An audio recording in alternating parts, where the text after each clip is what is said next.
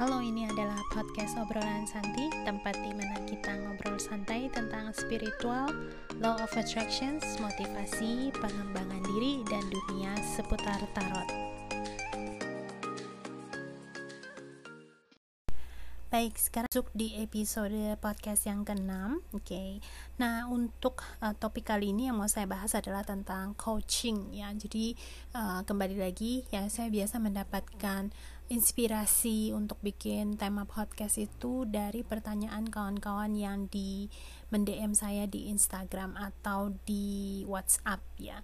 Nah kali ini ada salah satu followers yang bertanya tentang uh, coaching ya. Jadi dia sedang menceritakan situasinya, kemudian dia mengatakan dia ingin coaching dengan saya, tetapi pada saat saya uh, menggali lebih dalam lagi tentang situasi dan kondisinya dia sebenarnya dia tidak terlalu membutuhkan untuk uh, coach. Oke, okay? nah di sini episode kali ini saya akan bahas apa itu coaching, kemudian kegiatan coaching itu ngapain aja, terus uh, kita akan gali lebih dalam ya, apakah kamu beneran membutuhkan coaching ya. Jadi kalau misalnya kamu saat ini ngerasa uh, sedang mempertimbangkan untuk uh, melakukan coach atau tidak, uh, mungkin episode ini uh, cukup uh, suitable ya, cukup membantu untuk kamu.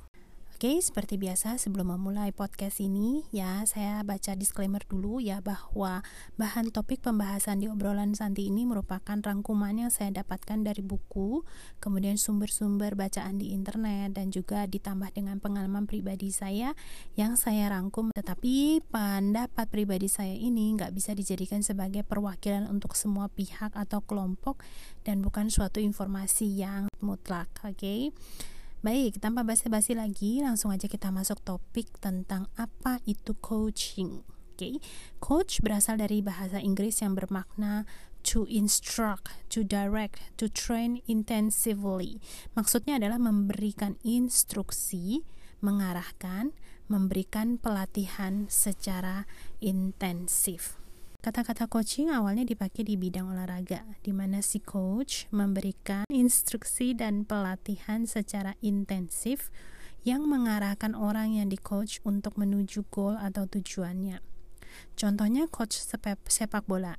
Si coach akan memperhatikan gerak si pemain sepak bola tersebut, lalu melihat kira-kira di mana kekurangannya dan potensi dirinya, lalu memberikan pelatihan intensif untuk membantu melakukan gerakan olahraga yang benar guna mencapai tujuannya.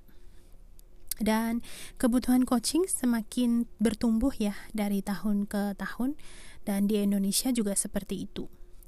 Semakin banyak orang yang menyadari manfaat besar yang didapatkan dari program coaching tetapi seiring dengan banyaknya kebutuhan, maka pasar pun juga mulai bertumbuh. Sehingga banyak orang yang juga mulai mengklaim dirinya adalah seorang coach. Namun kalau misalnya kita sendiri ya tidak memahami kebutuhan diri kita bisa mengakibatkan diri sendiri menjadi kecewa terhadap hasil coach tersebut. Karena masih banyak orang yang berpendapat bahwa coaching merupakan bisnis menjual ludah, namun nggak ada tindakan nyata dari si coach tersebut sehingga dia menganggap setelah selesai sesi coaching, hal yang dia dapatkan tidak bermanfaat. Nah, sekarang kita masuk ke uh, mengenai apa aja sih kegiatan coaching itu. Jadi apa yang kamu lakukan uh, pada saat kamu lagi coaching ya. Baik, kegiatan coaching merupakan mitra kolaborasi dengan pelatihan dan komunikasi dua arah untuk menggali potensi yang ada pada individu yang di-coach dengan tanya jawab, pelatihan, dan sebagainya untuk memberikan suatu mindset atau perilaku baru. Jadi ini komunikasi dua arah tanya jawab.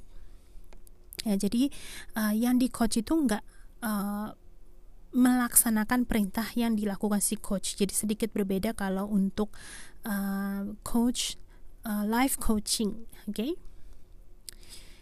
Baik, jadi tergantung dari coach yang kamu ambil untuk membantu merubah mindset dan perilaku di area mana yang ingin kamu capai.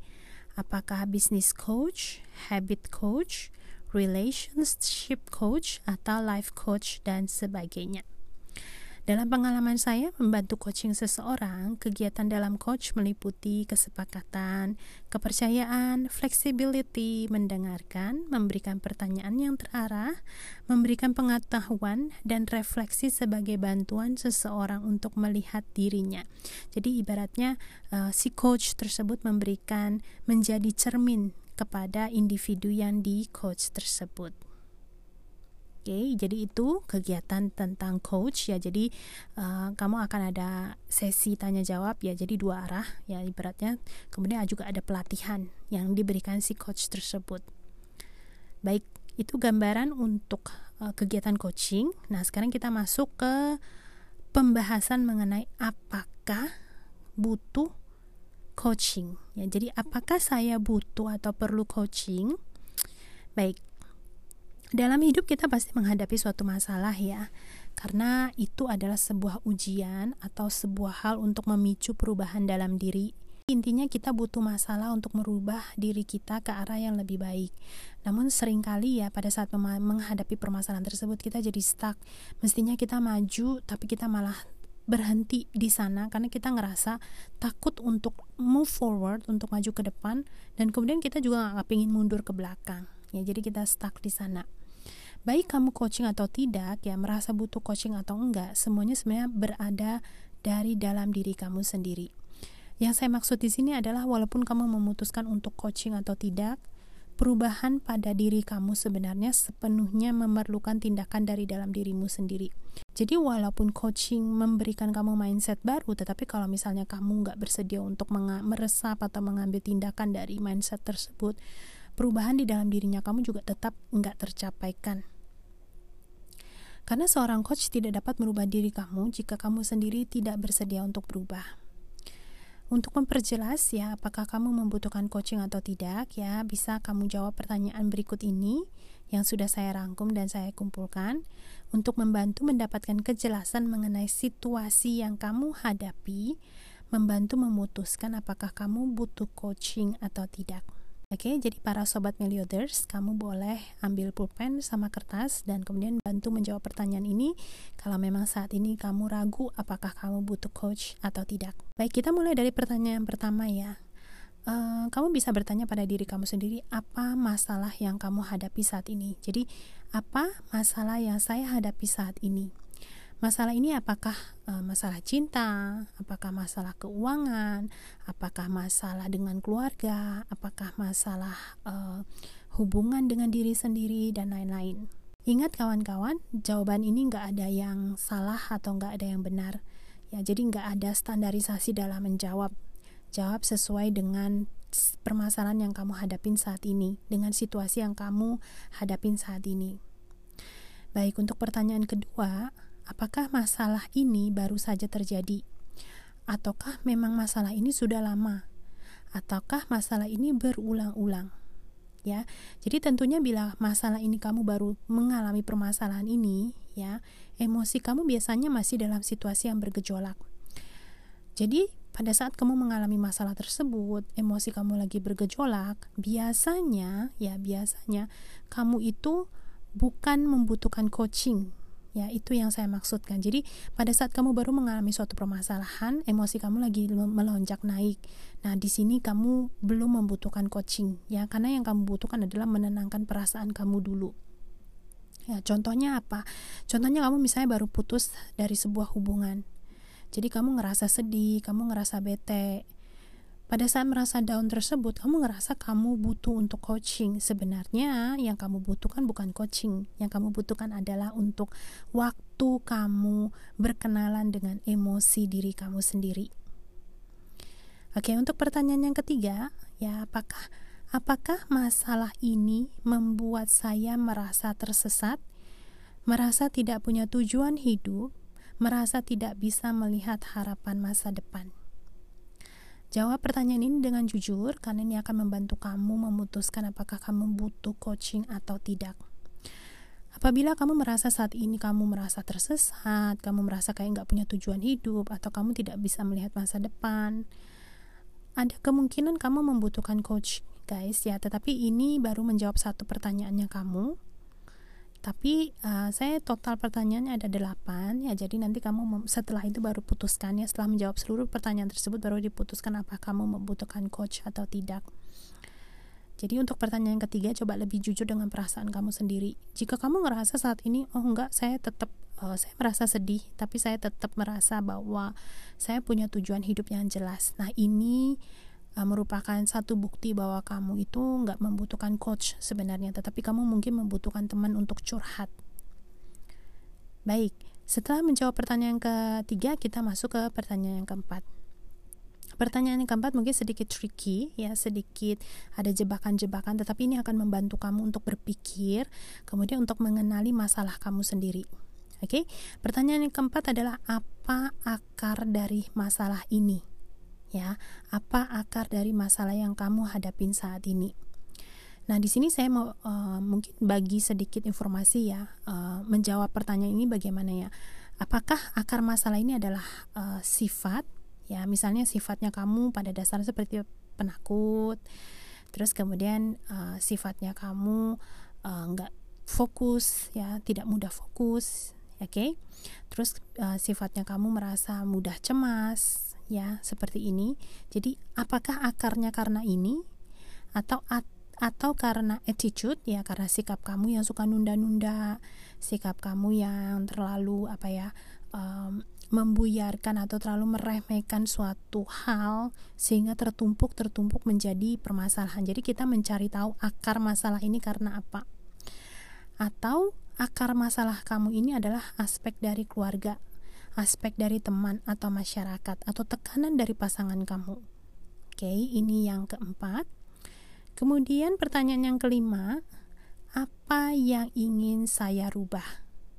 Ya, apa yang ingin saya rubah? Ya, aja kembali lagi pertanyaan ini membutuhkan kejujuran dirinya kamu dalam hidup. Apa yang ingin kamu rubah? Misalnya, apa kamu merubah mindsetnya kamu? Kamu ingin merubah penampilannya kamu, kamu ingin merubah cara orang lain memandang kamu atau cara diri kamu memandang kamu. Baik. Setelah itu kita masuk untuk pertanyaan yang keenam. Apa yang bisa saya lakukan untuk merubah hal ini? Ya, apa yang bisa saya lakukan untuk merubah hal ini? Ya, misalnya contohnya dengan membaca buku, membaca quotes, browsing sosmed yang menginspirasi. Apakah hal ini cukup membantu untuk merubah hal tersebut? Kalau jawabannya iya, berarti ini kamu nggak membutuhkan coach Meliothers. Yang kamu butuhkan adalah uh, open-minded, kemudian mengambil atau membaca atau membuka pemikiran kamu dengan informasi-informasi yang lebih luas lainnya. Baik, kita masuk untuk pertanyaan yang ketujuh. Jika saya ingin coaching, apakah kondisi keuangan saya saat ini? Ya, apa kondisi keuangan saat ini? Ya, seperti guys tahu ya, terkadang coaching itu membutuhkan suatu dana ya, dan kemudian coaching nggak cukup hanya untuk satu kali. Terkadang butuh beberapa kali sesi untuk pertemuan dan satu kali pertemuan terkadang si coacher tersebut mencharge biaya yang cukup tinggi. Nah, oleh karena itu, untuk menentukan apakah kamu butuh coaching atau tidak, dari perspektif atau pikiran mengenai materi ini juga perlu dipertimbangkan. Baik, untuk pertanyaan yang terakhir, ya, apabila kamu memutuskan untuk coaching, coaching yang bagaimana, style yang bagaimana yang bisa kamu percayai atau yang bisa kamu terima. Ada beberapa coaching yang mungkin lebih uh, lemah lembut, ada coaching yang mungkin lebih strict, ya lebih ketat, lebih galak ya. Ini semua gaya, gaya style coaching masing-masing. Baik, ini adalah 8 pertanyaan yang bisa membantu kamu memutuskan apakah kamu membutuhkan coaching atau tidak. Coba menuliskannya dalam jurnal untuk membantu kamu mendapatkan kejelasan dalam dirinya kamu. Dan biasanya ya guys ya, uh, saya menganjurkan untuk bikin jurnal ini mungkin tiga hari karena pada saat kamu sedang down di hari pertama, kemudian di hari kedua kamu sudah tidur, sudah tenang, jawaban akan sedikit berbeda. Dan pada hari ketiga, pada saat kamu pikiran makin tenang lagi, jawaban pun akan berbeda. Tetapi pada saat kamu menyadari tiga hari berturut-turut pertanyaan kamu masih sedikit sama atau tidak ada perubahan banyak, ini juga merupakan sign atau tanda kamu but, mungkin membutuhkan coaching. Dan yang terakhir, saran dari saya adalah kembali kepada diri kamu sendiri. Apakah kamu benar membutuhkan coaching atau tidak? Dengarkan intuisi kamu dan dengarkan perasaan kamu. Jika dalam diri dan hati kamu merasa yakin ingin coaching, maka kamu mungkin memang membutuhkan coaching. Tetapi apabila kamu masih ragu-ragu, masih nggak tahu bagaimana harus memutuskan, nah ada baiknya kamu kesampingkan dulu sejenak dan alihkan perhatian kamu pada hal yang lain. Perasaan ragu dan bingung ini juga merupakan signal dari tubuh loh guys dan intuisi kamu bahwa saat ini kamu masih belum membutuhkan coaching. Baik, semua rangkuman yang ini membantu kawan semua sehingga tidak perlu membuang energi dan tenaga serta materi dan bisa mengambil keputusan yang lebih bijaksana. Baik kamu merasa butuh coaching atau tidak, Melioders, ya, semua perubahan itu dimulai dari dalam diri kamu sendiri. Jadi sebenarnya kamu bisa merubah dirinya kamu sendiri tanpa perlu coaching. Oke baik. Ini sharingannya saya mengenai topik apakah kamu membutuhkan coach atau tidak. Kalau misalnya kalian semua suka dengan topik-topik bahasan di channel obrolan santi maupun podcast obrolan santi Boleh kawan-kawan kasih uh, subscribe saya dan kemudian follow di instagram saya Atau mungkin kasih komentar di youtube channel saya channel obrolan santi apabila kamu memiliki pertanyaan. Akhir saya mau shout out untuk kawan-kawan yang mungkin mendengarkan podcast ini melalui Apple Podcast ya mungkin boleh kamu sedikit tinggalkan review dan kemudian kasih uh, five stars ya untuk membantu meningkatkan rating podcast obrolan Santi ini. Segini dulu, sekali lagi saya ucapkan semoga kawan-kawan memiliki hari yang indah, hidup yang menyenangkan. Kita jumpa lagi di episode selanjutnya. See you. Bye bye. Thank you.